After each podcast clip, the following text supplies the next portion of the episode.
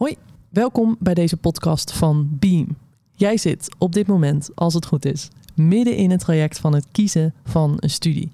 En ik vind het super tof dat jij probeert God daar ook bij te betrekken.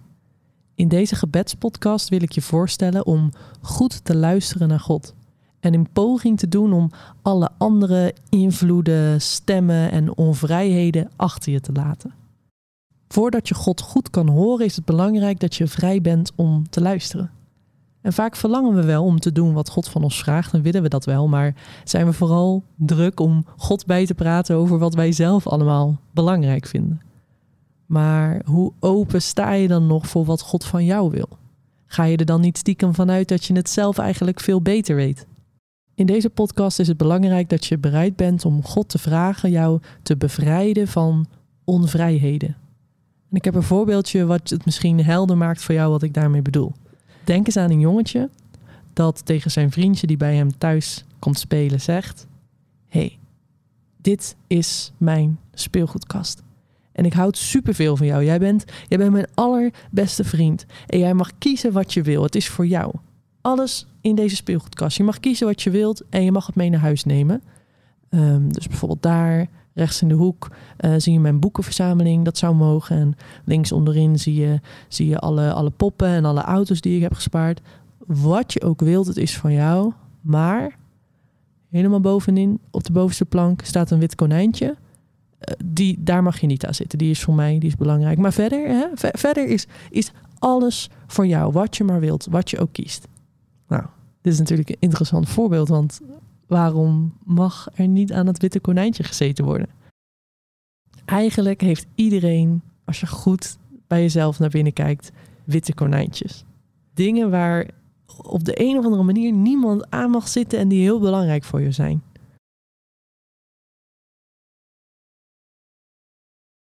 Wat zijn jouw witte konijntjes als je nadenkt over je studiekeuze? Want je hebt ze sowieso, hè?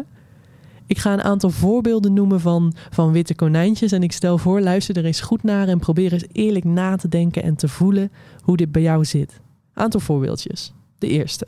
Het kan zijn dat je, dat je denkt of dat je zegt van hey, mijn studiekeuze moet meer aanzien hebben dan die van mijn broer. Want ik ben altijd met hem in competitie. Ik wil het altijd bewust of onbewust graag beter doen dan hem. Dus uh, hij studeert X. Dus dat betekent dat ik op zijn minst Y moet gaan studeren tweede witte konijntjes.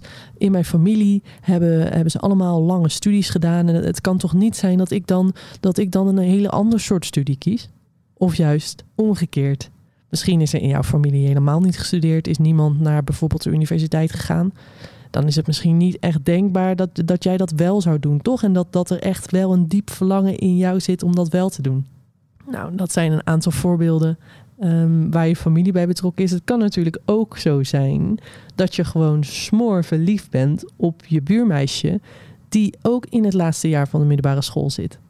En dat je eigenlijk puur met je gevoel vast van plan bent om dezelfde studiekeuze te gaan maken dan dat zij doet. Of in ieder geval naar dezelfde stad te gaan om te gaan studeren. Want ja, uh, ben verliefd, toch? Ook kan het zijn dat er nog andere dingen meespelen. Bijvoorbeeld Um, mijn toekomstig diploma moet me in de eerste plaats toelaten om heel veel geld te verdienen. Ook als ik dan dus in een, in een beroepssector, als ik in, een, in werk terechtkom, uh, wat niet helemaal goed is voor de wereld. Ik vind het gewoon heel belangrijk om geld te verdienen. Of bijvoorbeeld je moeder. Jouw moeder droomt ervan dat jij haar gaat opvolgen in de zaak die zij runt. En dat jij dus een diploma gaat halen die jou daarop voorbereidt. En heel eerlijk gezegd zie je dat hij niet helemaal zitten om die studie te doen. Het past niet helemaal bij je, maar je ziet het helemaal niet zitten om tegen jouw moeder te gaan vertellen dat ze geen opvolger heeft voor haar zaak. Dus uh, ja, dat, dat is dan ook een, een wit konijntje. Snap je deze voorbeelden een beetje? Dit zijn allemaal voorbeelden van dat jij tegen God eigenlijk zegt: Nou, God, hier is mijn leven. Laat maar horen wat u vindt. Maar, maar, maar, maar, maar dit is een wit konijntje en daar mag u niet aan zitten. Het is niet de bedoeling dat u daar iets over zegt of dat, die, uh, dat daar iets mee wordt gedaan, want dat is mijn witte konijntje en daar mag u niet aan zitten. ik ben benieuwd of er dingen zijn in jouw leven, ja, wat eigenlijk zo'n zo'n wit konijntje is. En sommige witte konijntjes die, die zijn een beetje onbenullig, dat maakt niet zoveel uit. Maar andere witte konijntjes zijn echt wel heel moeilijk om, om mee om te gaan. En het is goed om erachter te komen, om te weten, om te voelen welke witte konijntjes er eigenlijk in jouw levenstuin rondhuppelen. En voor sommigen zal je kunnen losmaken en als je je daar eenmaal bewust van bent, dan kan je dat naast je neerleggen. En, en anderen die, die zullen heel belangrijk voor je zijn en die zullen een beetje weerstand bieden. Maar ik wil jou dus vragen of je bereid bent om God te vragen om jou inzicht te geven in wat jouw witte konijntjes zijn. En misschien, als je dat wilt, kan God je daarin ook nog helpen om, om die witte konijntjes los te laten. Ik wil dat doen met het verhaal van Abraham. We gaan dus weer bidden met een Bijbelverhaal. Ik lees een stukje uit Genesis 12, het verhaal van Abraham. En op basis daarvan gaan we nog even bidden en, en voelen en denken hoe dit iets voor jou zou kunnen betekenen. Ik lees vier versen uit Genesis 12. De Heer zei tegen Abraham: Ga weg uit je eigen land en ga weg van je familie. Ik zal je zeggen naar welk land je moet gaan. Ik zal je zoveel nakomelingen geven dat ze een groot volk worden. Ik zal je rijk en gelukkig en beroemd maken. Jij zult ook anderen gelukkig maken. Als de volken op aarde elkaar geluk toewensen, zullen ze zeggen: Ik hoop dat je net zo gelukkig wordt als Abraham. Ik zal goed zijn voor de mensen die goed zijn voor jou. Maar de mensen die jou slecht behandelen, die zal ik straffen. Abraham deed wat de Heer gezegd had. Hij ging weg uit Garan. Hij was toen 75 jaar oud. Hij nam zijn vrouw Sarai en zijn neef Lot mee.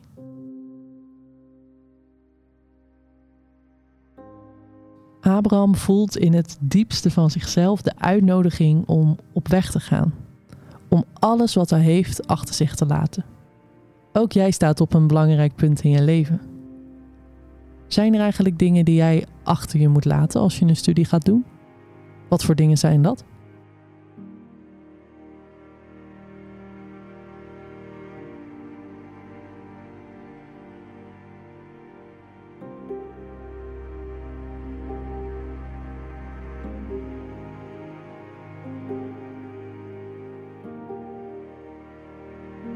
In deze tekst wordt er veel gevraagd aan Abraham, maar er wordt hem ook veel gegeven.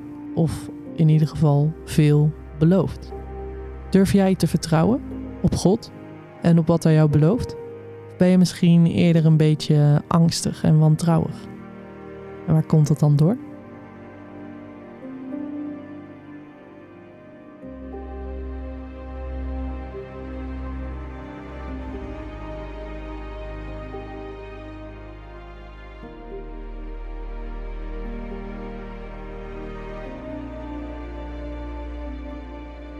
In deze tekst zie je dat Abraham vertrekt. Hij laat alles achter. Hij luistert, gehoorzaamt aan die diepe stem van het verlangen in hem waarvan hij weet dat die van God komt. Is het jou al eens overkomen dat je ergens weggaat of dat je iets uit handen geeft? Hoe groot of hoe klein dat ook was? En hoe voelde dat?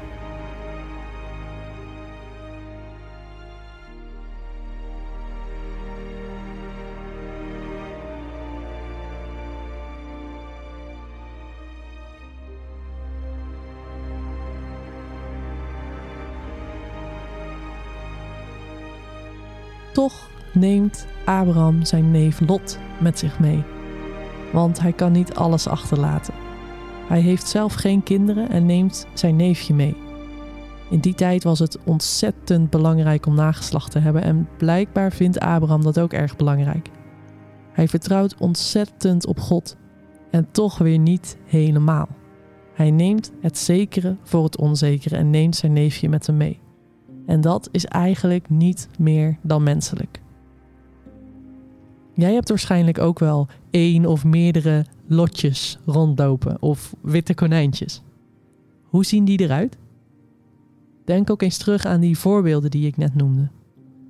Wat zijn dingen die bewust of onbewust heel belangrijk voor jou zijn en waar eigenlijk niemand aan mag zitten als het gaat over jouw studiekeuze?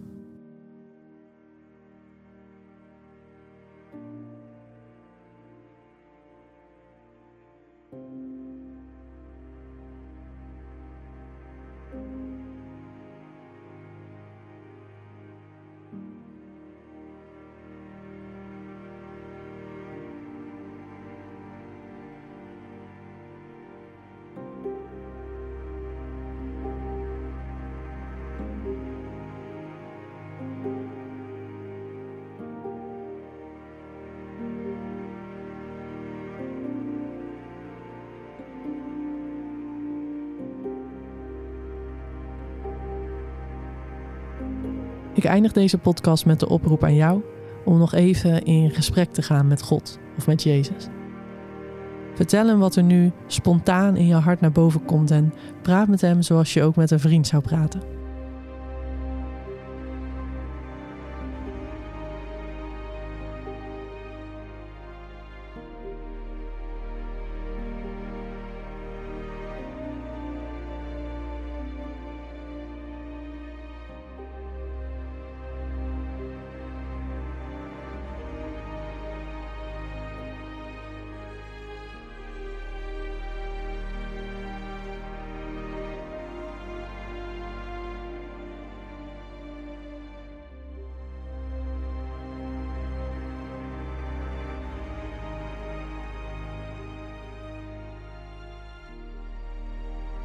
Dit was hem. Succes met het ontdekken, benoemen en misschien wel bestrijden van jouw witte konijntjes. En weet dat je het niet alleen hoeft te doen.